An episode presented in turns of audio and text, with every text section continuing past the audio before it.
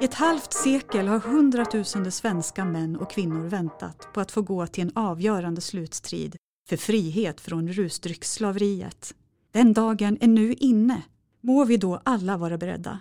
I detta verk finns rum för den åldriges levnadsvishet, för ungdomens flammande rättfärdighetskänsla, för den mognade mannens målmedvetna kraft och för kvinnornas omsorg om hemmets och barnens intressen.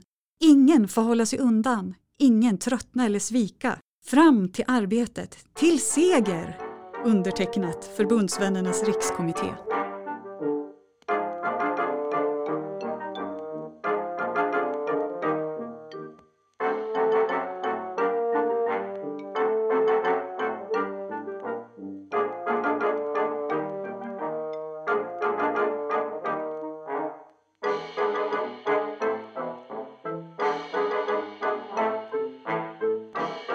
Hej och välkomna till Riksarkivets podd Dokumenten berättar som spelas in i vår studio här på Riksarkivet i Östersund. Jag heter Martin Ahlström och är arkivarie här. Eh, och med mig i studion idag har jag Mia Nilsson, arkivarie på Föreningsarkivet i Jämtlands län. Välkommen! Tackar, hej hej! Du är ju faktiskt ett ganska känt namn här i podden. Eh, I alla fall för de lyssnarna som har lyssnat på fler poddar än några stycken så har de ju antagligen hört din stämma. Eh, för du var ju med och startade här för två år sedan när du jobbade på Riksarkivet. Men nu så jobbar du på Föreningsarkivet som håller till i samma hus.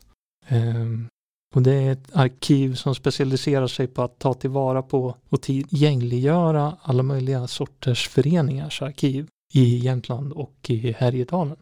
Jajamän. Föreningar är ju superspännande material faktiskt. Ja. De var ju väldigt viktiga aktörer kan man säga i samhällsutvecklingen under 1800 och 1900-talet. Och eh, det är ju en superviktig uppgift faktiskt att ta tillvara det här kulturarvet. Och då får man ju en mer fullständig bild av Sveriges historia. De ger ju liksom information om samhället som man kanske inte alltid hittar i de statliga myndigheternas arkiv. Så det blir som ett bra komplement. Mm, mm. Och eh, föreningsarkiv och folkrörelsearkiv finns väl på flera andra platser i landet? Ja, ja. Ja, de finns i varje län. Så att, eh, Ja. vi finns ju på många platser runt om. Mm. Ja, just det. Och idag ska vi prata om någonting som alltid tyvärr är lika aktuellt. En evig fråga i samhället. Droger och missbruk. Ja, inget nytt tema kanske. Nej, Eh, inte direkt. Droger, framförallt alkohol kanske är ju något som eh, folk har dragits till och använt i alla tider. Och idag ska jag berätta lite mer om när man i Sverige för exakt 100 år sedan tog krafttag mot alkoholen. Och det faktiskt var folkomröstning om ett totalt förbud av försäljning av sprit. Ja, just det. Det är kanske inte någonting som eh, många av våra yngre lyssnare känner till. Nej, eh, men det var en väldigt, väldigt stor sak då. Och det var väldigt många som var engagerade runt om i hela landet. Och eh, hela den här debatten och den här folkomröstningen påverkade ju sen alkoholpolitiken och nykterhetsrörelsen, som Mm. jag också ska berätta mer om, under många, många år framåt. Ja, det kan man ju förstå. Eh, tänk om någon idag skulle lägga fram förslaget att stänga Systembolaget eller bara sätta stopp för all alkoholförsäljning. Ja, jag tror inte att någon politiker skulle vara jaga. Nej, man skulle nog inte vinna ett val då. Nej, men det skedde i alla fall för hundra år sedan. Så att jag tänkte jag ska berätta mer om det här hundraårsminnet av faktiskt Sveriges första folkomröstning också. Eh, och den handlade då om ja eller nej till ett totalt förbud av rusdrycksförsäljning som man sa. ja just det. Förbudsomröstningen är ju det som man liksom känner till kanske. Det Ja, det precis. man använde. Den, den har man ju hört talas om. Eh, och du har med dig flera dokument här idag. Eh, två stycken. Eller det är en samling dokument, men det är två olika typer av dokument. Eh, vad är det för någonting? Ja, det här är insamlingslistor. Det här är bara några få som ligger här på bordet nu. Vi har ganska många sådana här. Det är Ja, alltså lokalföreningar inom nykterhetsrörelsens, eh, alltså IOGT. Eh, och här kan man då se vilka som har skrivit på det här, att man är för då ett förbud och sen så ser man också hur mycket pengar de har skänkt. Men sen är det inte bara de här listorna Martin, jag har ju med mig en fantastisk propagandaaffisch också. Ja, precis, jag ser ju det. Ja. Det ser ut som en, en, eh, en valaffisch för kommunisterna under tidigt 1900-tal kanske. Väldigt röd är den. Ja. Eh, och så står det den 27 augusti i stor stil då. Eh, den 27 augusti sker förbudsomröstningen. Tänk noga efter om ni på edert ansvar vill taga ett förbudsexperiment i vårt land. Sen motivet på kan jag ju beskriva, det är alltså en, en trehövdad svart orm, kanske lite lik en hydra kan man väl säga va? Ja, Ja, kan man göra. eh, och ormen är ju någonting som symboliserar till exempel domedag och elände. Och på de här ormkropparna så står det budskap som spioneri, skräckvälde, angiveri. Och så under så står det så här, tänk först, rösta sen nej. Och då måste man ju tänka sig för lite i den här historien, för att det är ju lätt att uppfatta slagorden i propagandan som ja eller nej till sprit. Ja, just det. Ja, Men det är ju som tvärtom, ja eller nej till förbud. Så det här är ju liksom de som inte vill att man ska sluta Just sälja det. sprit. Så det är liksom den sidans propaganda. Så det gäller att, att vara med i tanken lite grann. Det andra dokumentet handlade om någon slags eh, insamling. Vad, vad handlar den om?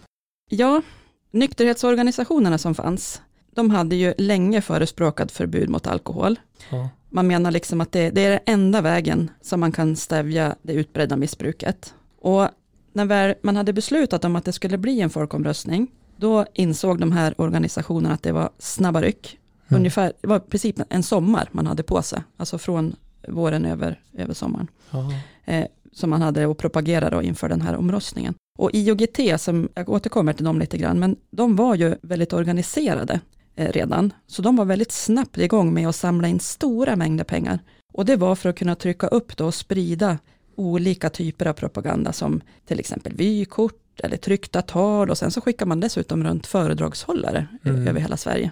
mm. Eh, Så det, det var liksom det som de här pengarna skulle gå till. Som en slags valrörelse. Mm. Ja. Ja, det står ju många namn här i, i dokumentet. Det kan Ja. se. Det är ju som en insamlingslista de här är ju, är ju lite roliga för att de här är alltså fulla med personnamn. Ja, Det tyder ju liksom på att man har skrivit på det, för det här är ju då IOGT, de var ju ja för ett förbud, det skulle sluta sälja sprit. ja, Eh, och i de här kan man ju hitta igen sina släktingar faktiskt. För de här eh, lokalföreningarna som kallades för loger inom IOGT, de fanns ju liksom över hela Sverige. Och de, eh, just de här eh, insamlingslistorna som jag har med mig idag, här kan man ju läsa till exempel att det står då Gudrund Andersson från Skansborg till exempel, eller mm. Valdemar Nordin, eh, Alfred Pettersson och så vidare. Och sen är de sorterade då på själva lokalföreningens namn. Och tar man igen då den här lokalföreningen från en plats som, som man vet att släkten kommer ifrån, då kan man ju som hitta igen sina släktingar tänker jag. Mm. Mm. Om man vet vilken loge de var med i. Ja, men det kan man få hjälp med. De, de, de kunde ha rätt fantasifulla namn de här, Ja, de här lokalföreningarna eller logerna. Det finns som Fjällrosen eller Decemberblomman. Järpeskans heter just den här som, som jag har med mig, men också Vikingalöftet. kul, undrar vad det handlar om egentligen. Vikingalöfte. Ja, eh, Ja. lite så nationalromantisk anda är det ju också. Ja, ja, ja, det går lite i 1800. tiden. Mm. Så, ja. Varför hade vi ens en omröstning 1922? Ja, då kanske vi behöver backa bandet tillbaka ända till 1800-talets början. Jaha, För då konsumerade en genomsnittlig svensk nära 50 liter brännvin per år. wow. Det är ju nästan en liter per vecka. Ja, det är hisnande. Ja, för det, det var ju så att man brände hemma och hade enkel tillgång. Och man startar ju gärna dag- dagen med en liten hutt sådär, Ja, ja. eh, för att liksom vakna till. Eh, Och det finns ju exempel på att man kunde få betalt för arbete i sprit. ja.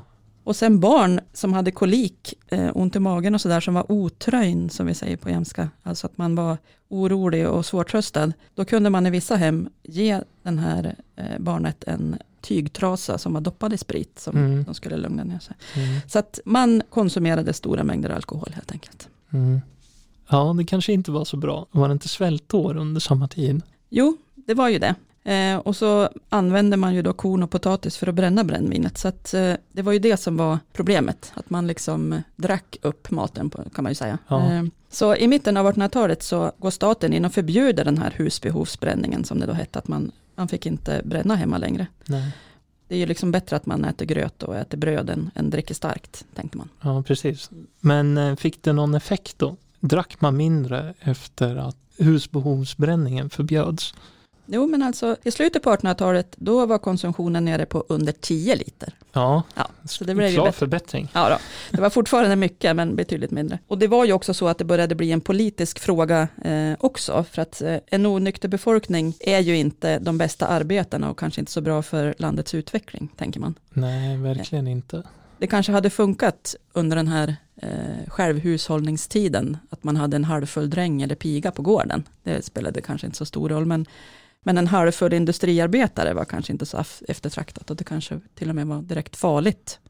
Så. Ja, precis. Ja. Så det var ju lagstiftning då som, som också gav resultatet, inte bara det här med husbehovsbränning, att den förbjöds. Och sen så var det ju också att det var ju väldigt, väldigt många olika nykterhetsorganisationer också som startade upp verksamhet runt om i landet. Så att de bidrog också på sitt sätt.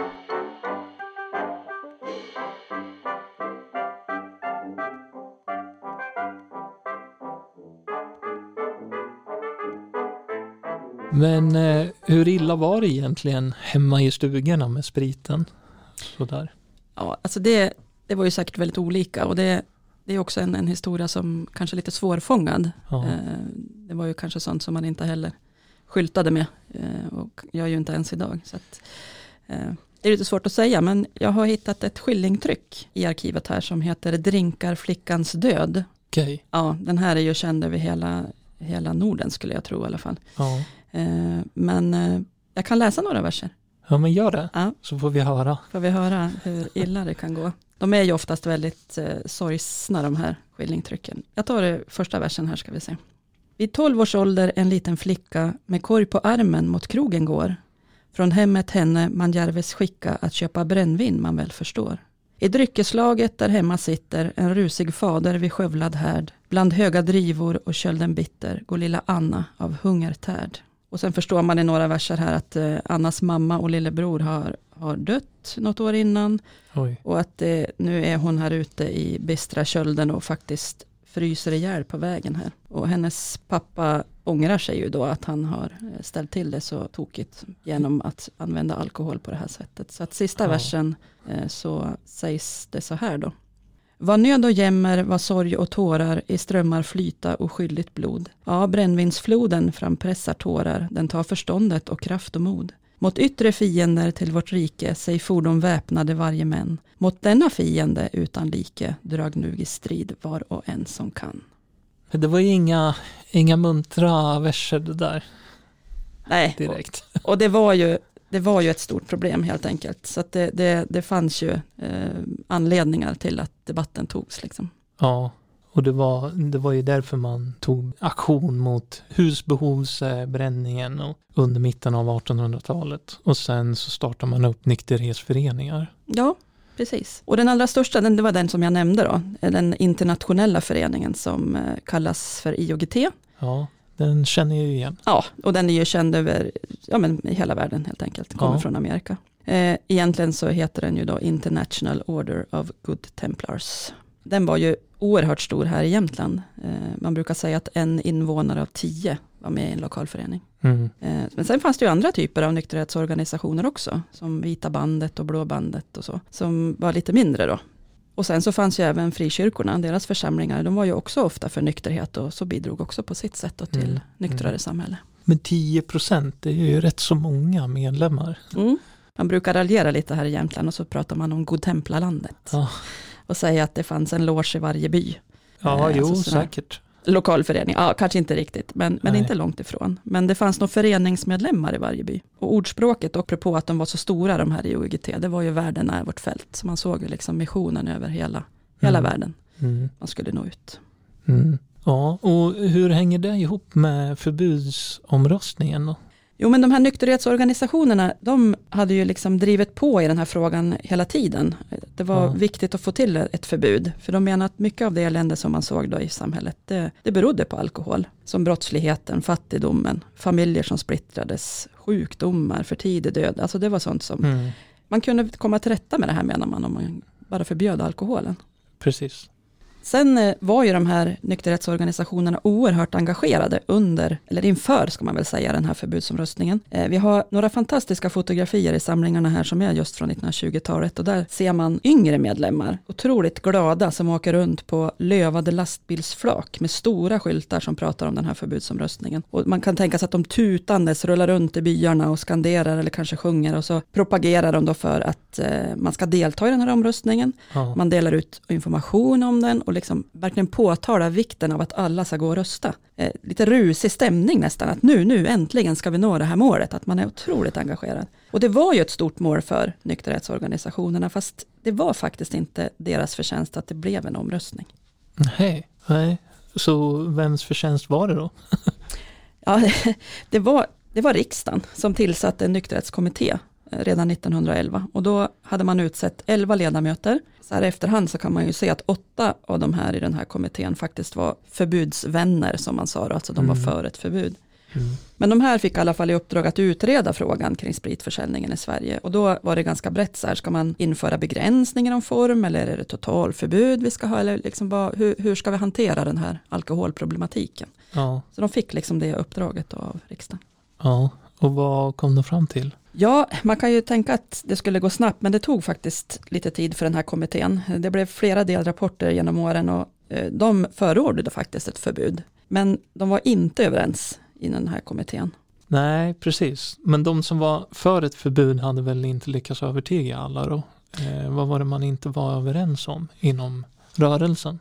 Ja, alltså man kan väl säga så här att den som var mest tongivande som faktiskt var för ett nej, nej till förbud i den här kommittén, han hette Ivar Bratt och han kanske några av er har hört talas om. Han var i grunden läkare och sen var han dessutom liberal politiker och han trodde inte på att alkoholism var en sjukdom utan han menade att det här, det är någonting som är som en imitation eller Mm. ja, att man umgås liksom på ett, ett, ett sätt som so- gör att man socialiseras in i ett negativt beteende. Men han menar på ifall man skulle kunna styra hur och var människor drack sprit, då skulle man också kunna begränsa skadeverkningarna. Och han, han trodde ju inte, för man hade ju som olika scenarier hur man skulle liksom komma till rätta med det här och det, ett, ett förslag var ju det här att man skulle höja priserna. Men då menar han att konsekvensen skulle då bara bli att fattiga människor skulle bli ännu fattigare för att de skulle ändå fortsätta köpa sprit. Så att det Ah, var väl det här med, med hur, dels hur man såg på eh, det här med alkohol och alkoholism men också styrmedel, att man var, man var liksom inte överens inom den här kommittén helt enkelt. Men eh, hade han något eh, konkret förslag på hur man borde lösa problemet? Hur skulle man göra?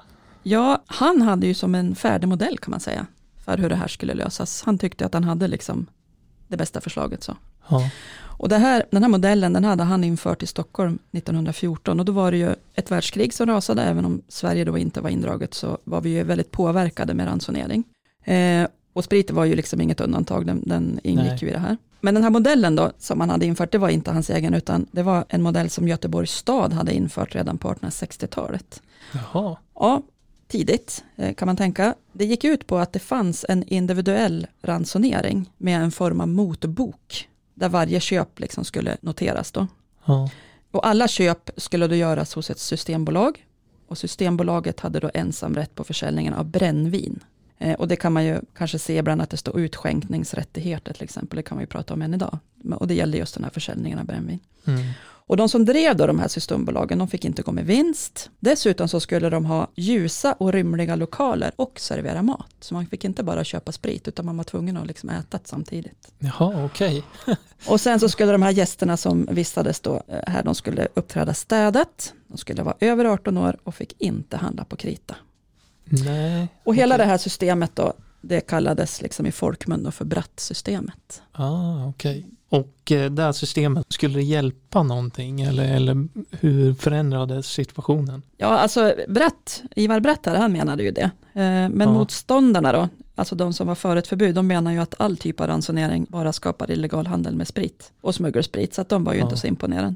Eh, det hade man ju sett under kristiden också, då under kriget, att smuggelspriten hade ökat jättemycket. Så att, eh, ja, eh, det fanns ju olika syn på det här, det var ju olika ideologi helt enkelt. Den här kommittén föreslog faktiskt också i sitt betänkande då, när de la fram det, att den här frågan borde avgöras i en folkomröstning, men på kommunal nivå, för att det här var ju innan det var instiftat med allmän rösträtt. Så att, men man förordade ändå att, att det skulle liksom folket bli skulle tillfrågas. Ja, mm, Men i själva verket så blev det en betydligt större omröstning. ja, precis. Ja, Det var en del stora förändringar ju, helt enkelt, som Ja, hann genomföras. Här, den lilla grejen med allmän rösträtt. ja just det. Ja, det låg i tiden lite Ja, grann. precis. Eh, men dessutom så, så genomförde man ju då möjligheten också att eh, genomföra sådana här folkomröstningar, för det var ju inte heller så självklart. Nej, nej innan. precis. Att, eh, men, Nej. men det kom på plats. Ja. Men varför blev det en folkomröstning och inte bara ett beslut ifrån riksdagen på politisk nivå? Ja, men jag tror att man hade lyssnat mycket på nykterhetskommitténs förslag, Ja, som de menar att den här folkomröstningen skulle vara det bästa. Och det står också i det här eh, betänkandet att, jag citerar nu då, varje person som deltar i en dylik omröstning kommer att känna att det kan bero på hans röst om lagen ska träda i kraft eller ej. Man skulle bli personligt engagerad och välja att gå och rösta. Och så skulle man dessutom ju acceptera resultatet på ett bättre sätt om man Ja. själv fick delta, istället för att någon annan ovanför en bara besluta. Så själv, tänkte man. självklart. Mm. Eh, och det lyssnar man på, eller? Eftersom det ändå blev en folkomröstning. Så var det ju. Och så bestämde man eh, att datumet skulle vara då den 27 augusti 1922. Ja, 100 år sedan. då blev det omröstning.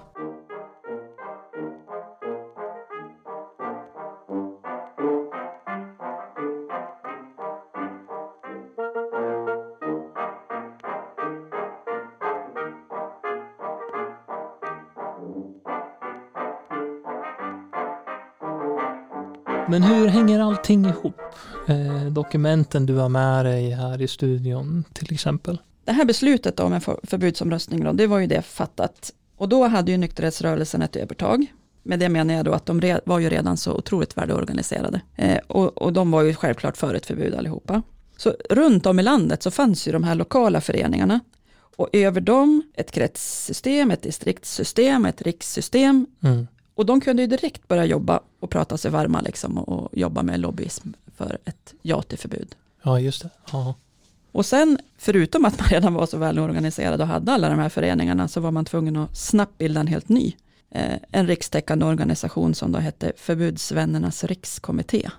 Och här, här samlades man brett över hela linjen. Då var det både nykterhetsrörelsen, kvinnorörelsen och frikyrkorörelsen. Den här rikskommittén kan man säga att det är liksom ja till förbudsidans propagandamaskin. Mm. Mm. Och det var ju de då som snabbt behövde få in pengar för att trycka upp alla texter för agitation och alla affischer, skapa föredrag och allt sammans då skulle spridas runt om i landet. Då. Så att det var ju som lokalföreningarna som skulle stå liksom för verkstaden, det här med lobbyismen och liksom se till att folk nåddes av informationen medan den här övergripande rikskommittén skulle se till att de hade det de behövde för det här. Då. Så Ja. att man kan säga att de förädlade alla pengar som kom in då till arbetsmaterial. ja, just det. Mm. Så en stor organisation bakom, nu ska vi se, ja-sidan var det ja. Ja, exakt, man blir jag lite inte, Jag får snurrig. inte rösta fel här. Nej, nej, man blir Nej. lite snurrig. Nej. Men såg det likadant ut bakom nej-sidan? Fanns det en lika stor organisation där?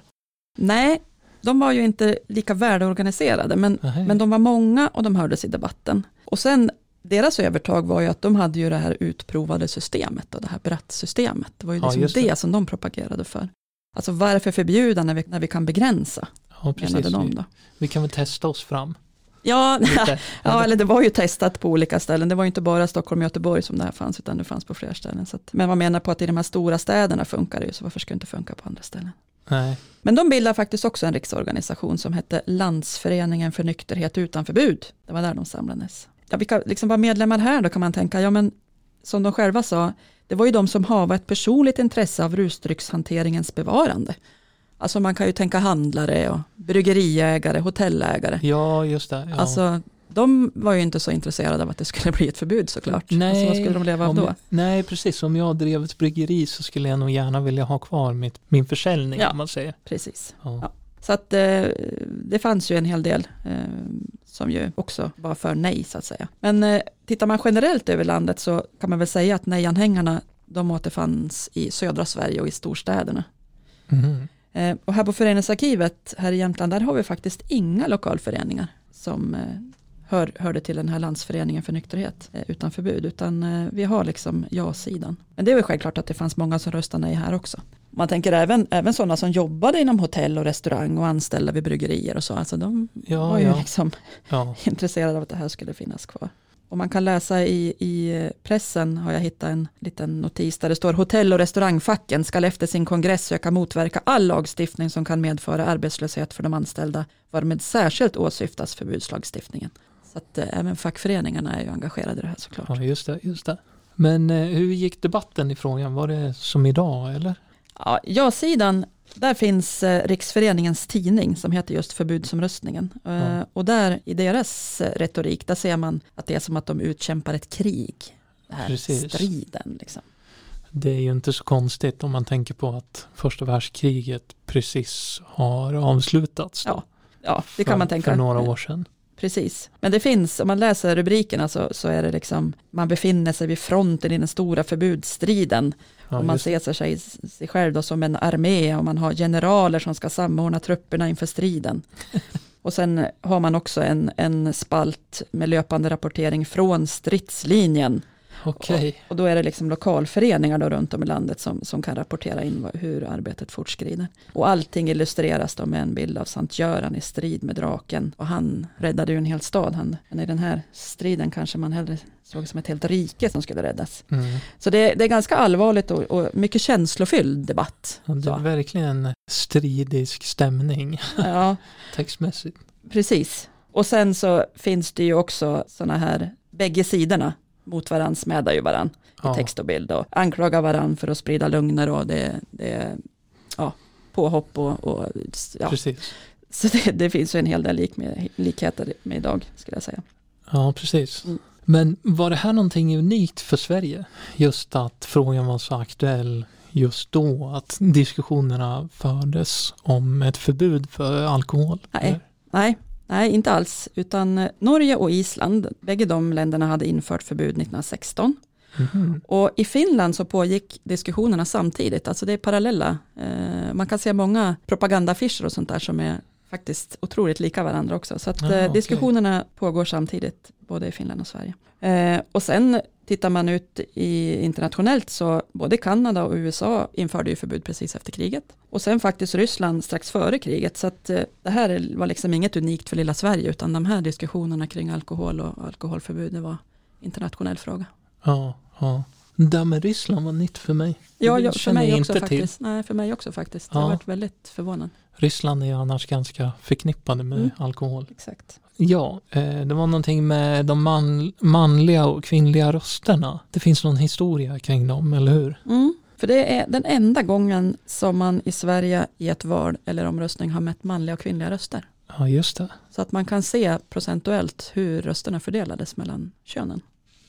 Idag är det ju sådana här andra undersökningar där man liksom intervjuar folk på ett sätt. Ja. Men just i den här omröstningen så var det ju då eh, verkligen valsedeln att man eh, angav vilket kön man var.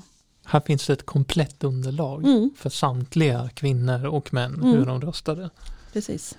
Och hur kommer det sig? Jo, alltså debatten handlade ju mycket om ja och nej. Eh, Ja. Självklart.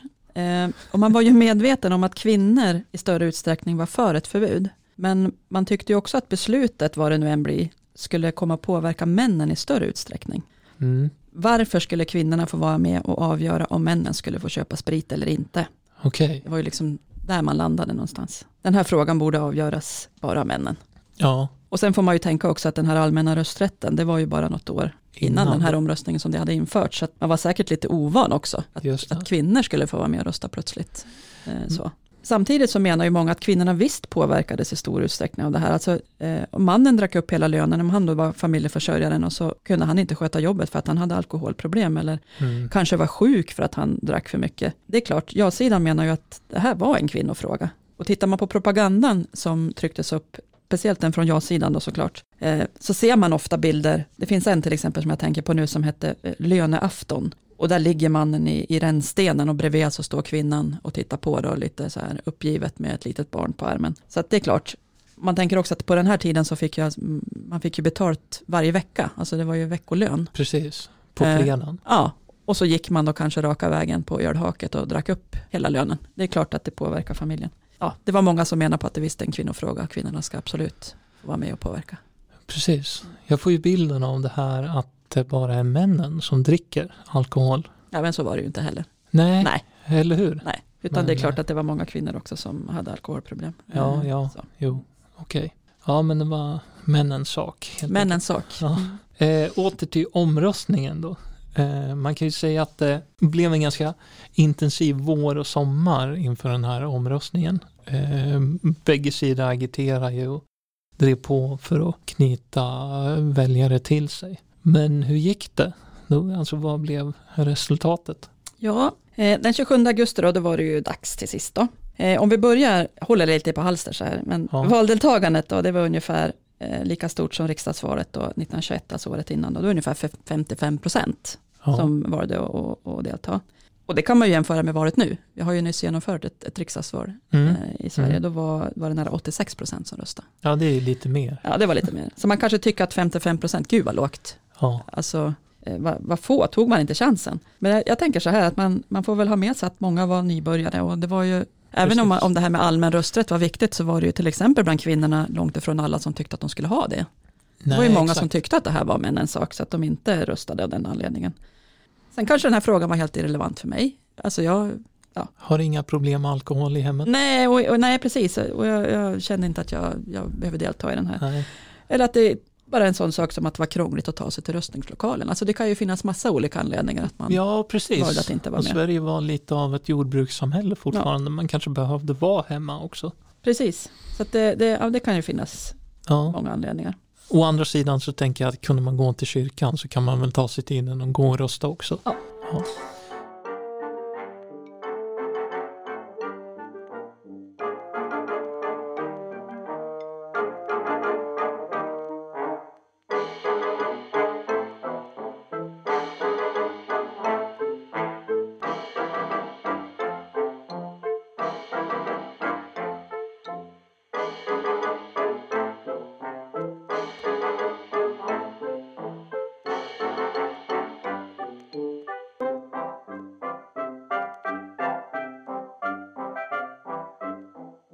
Okej, men eh, vem vann då? Eller vilken sida vann? Ja, eh, även om nu de här nykterhetsorganisationerna som jag pratat så mycket om Mm. eh, och den här ja till förbudssidan, de hade ju som ett försprång genom att de var så välorganiserade. Så faktiskt förlorade de, Jaha. men väldigt, väldigt knappt. Det är som, också lite så här lika som, som vi har idag.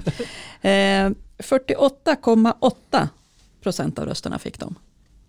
Eh, och då fick ju eh, då de motståndarna så att säga, eller nej, nej till förbud, lite drygt 50 då. Så det var superjämnt. ja. Och tittar man lite grann på det här med man och kvinnoröster då, för det, det är ju det som är så intressant just i den, den, här, den här omröstningen, och så var det faktiskt 59 procent av männen som röstade nej till förbud och Just det. 41 procent av kvinnorna röstade nej till förbud. Sen kan man ju också titta på skillnaden mellan norra och södra Sverige till exempel. Eh, I Västerbottens län, där var det 81 procent som röstade ja till förbud. Och medan det i det som då hette Malmöhus län, alltså nere i Skåne då, där var det 81 procent nej till förbud. Alltså Oj. precis tvärtom. ja. Ja.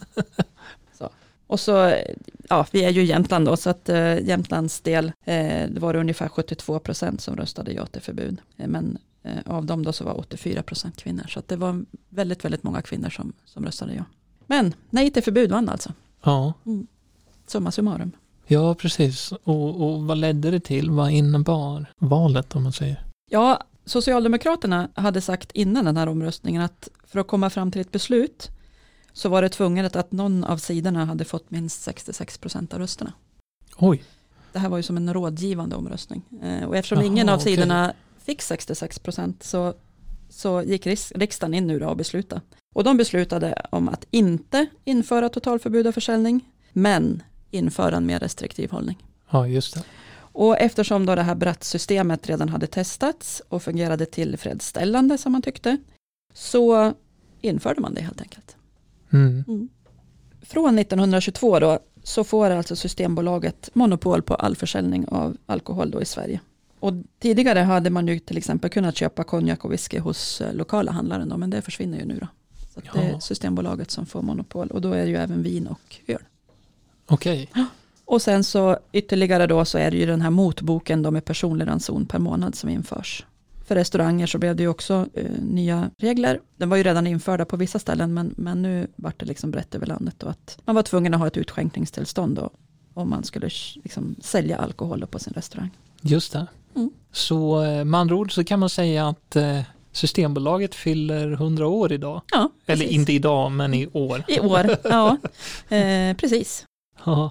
Ja, hur mycket alkohol fick man köpa då enligt Brattsystemet eller motboken? Det har sett lite olika ut genom åren. Men lite generellt så kan man säga att ransonen var lite beroende på vilken inkomst du hade, Okej. vilken förmögenhet du hade och vilken position i samhället du hade. Ja, självklart. Ja. Och att vara kvinna, då var det inte så säkert att du hade en motbok ens. Nej. Och var du gift, då hade du i princip aldrig någon. Eh, Det var liksom inte motiverat. Och kvinnornas ransoner var mycket, mycket lägre ställda då än männens. Okej. Men den vanligaste ransonen av sprit, det var tre liter i månaden om man var man. Och en halv liter per kvartal om man var kvinna. Men det skilde. Eh, En direktör till exempel hade fyra liter. Han skulle kanske ha representation och lite annat. Så Ja, han ja, behövde ha okej. lite extra. Ja. Eh, och sen så var det även stora skillnader mellan södra Sverige och norra Sverige. Eh, och det där återspeglades ju lite grann, eh, apropå det här med rösterna, när jag, det här med Västerbotten och, och Malmöhus. Alltså det mm. var skillnad eh, i hur man röstade. Och det syns även i det här att man var mycket, mycket mer liberal i tilldelningen i södra Sverige än vad man Mm. var i norra. Mm, och det, kulturen kanske var mer knuten kring alkohol också. Sådär att man drack på jobbet ibland eller Ja, det var säkert olika, på eh, whisky eller olika anledningar till det här. Ja. Men, men eh, man var mycket mer strikt, eh, både med tilldelning men också öppettider på det här systembolaget i Ja. norra Sverige än i södra. Ja, precis. Men det där låter ju ganska orättvist. Alltså det är diskriminering mot kvinnor. Som om man är gift så får man inte köpa alkohol knappt överhuvudtaget. Det ska Nej, mannen göra. Tulla på mannens då. Mannen bestämmer. Mm. Eh, och är du lågavlönad och norrlänning då får du också köpa mindre. Jaha, okej. ja. Men eh, hur gick det med motboken till slut då? När han försvann den? Ja, alltså till sist så tyckte man väl att motboken hade gjort sitt. Eh, Det kanske kändes lite mer modernt att prata om frihet under ansvar också. så Ja, att, eh, precis. Den hade liksom inte, tjänade som inget syfte längre för alkoholkonsumtionen började gå upp igen så att eh, man tog bort den till sist 1955. Så Mm. den var kvar ganska länge. Men var det en, en bok man hade i hemmet? Mm. Och så gick man och Mm. varje gång du köpte sprit Så fördes det in eh, så skrevs det in ja. Mm. Ja, precis. Mm. Sådana där har jag sett i Mm. min släkt Mm. faktiskt. Mm. I äldre samlingar. Ja, de finns i arkiven också. Kan man Ja. hitta igenom. I personarkiv till exempel. Någonting man kan hitta i gamla skrivbord och sånt Mm, där. precis. Ja, och idag så finns mycket av kampen mot alkoholen dokumenterad eh, i nykterhetsrörelsernas arkiv då, som till stor del finns och ser i eh, föreningsarkiven Mm, landet runt. Ja, precis. Eh, och som sagt, IOGT är ju den, den största organisationen med så Ja. många lokala föreningar. Och det, det är också lite intressant att på 1970-talet då gjordes väldigt systematiska insamlingar av de här IOGT-arkiven över hela Norden. Mhm. Så att eh, de finns väldigt välbevarade. Alltså Ja, man det. verkligen har Ja. eh, letat rätt på dem och aktivt liksom, eh, samlat in dem och bevarat dem. Ja. Och det är ju en väldigt viktig folkrörelse, för efter den här förbudsomröstningen som de då, då tycks, alltså de, de kände ju verkligen att de hade förlorat, Mm. så då är det ju många som väljer att gå ur alltså sin lokalförening, för de tycker kanske att de, ja, de tappar modet lite grann. ja. Eh, så att man kan säga att de pikade lite grann där strax före 1922 och sen så blir det färre och färre medlemmar. Men IOGT som rörelse finns ju kvar och jobbar för nykterhet, men de blir också en väldigt viktig folkbildande organisation Mm. eh, med studiecirklar både inom statskunskap och engelska och liksom inte bara det här kring nykterhet utan de jobbar liksom väldigt, väldigt brett. Så att de har, ja har en viktig, viktig del i folkbildningen i Sverige också.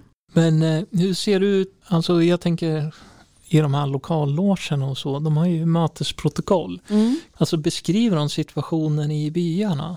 Jag tänker för en släktforskare kan man få någon slags eh, idé om hur det såg ut i bygden vad det gällde alkoholkonsumtionen och så. Det finns ju både protokoll och medlemshandlingar och även vilka aktiviteter man anordnat och sådär. Så att det, det finns ju att ta del av. Och de flesta... Jag alltså, tänker att de borde ha diskuterat lite sinsemellan hur utbredda problemen var liksom med alkohol. Ja, och framförallt hur man jobbade liksom med, med kommittéer och lobbyism och liksom både på eh, gentemot enskilda personer men också mot kommuner. Och, Ja, ja. och, så det, det. det. finns bevarat, absolut, Ja. och det kan man hitta igen. Dels så finns ju de här lokalavdelningarna, de finns ju på föreningsarkiven, men den stora eh, rikstäckande organisationen, den, den finns ju på Riksarkivet. I, i, Precis, och då får man gå in på vad då?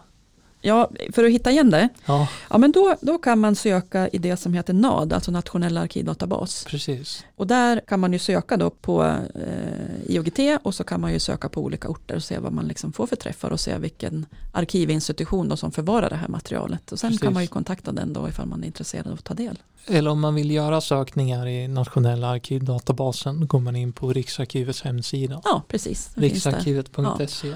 Och där finns det ju många, många arkivinstitutioner som, som har eh, register eller arkivförteckningar Ja, som vi precis. säger över olika arkiv. Och alla föreningsarkiv, Ja. alla samlingar kan Ja. man sondera. Ja, och som sagt det är ju inte bara nykterhetsorganisationer utan det Nej, är förenings, nej, föreningslivet brett som vi förvarar.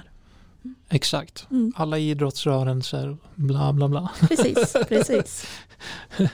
Ja, kan man komma på en förening så finns den kanske sparad. Ja, eh, det finns ju inget, inget krav att föreningar måste lämna in sitt material. Men Nej, eh, det är ju okej. många som väljer att göra det ändå för att det Ja, är ju en del det. av vårt kulturarv. Just det. Ha, Mia Nilsson, Mm. Föreningsarkivet i Jämtlands län. Tack för idag. Ja, men tusen tack att jag fick vara med. Det är alltid roligt att ha dig här inne i studion. Tack, tack. Ja, och vi säger väl tack och adjö ifrån studion här. Vi eh, hörs och ses. Hej!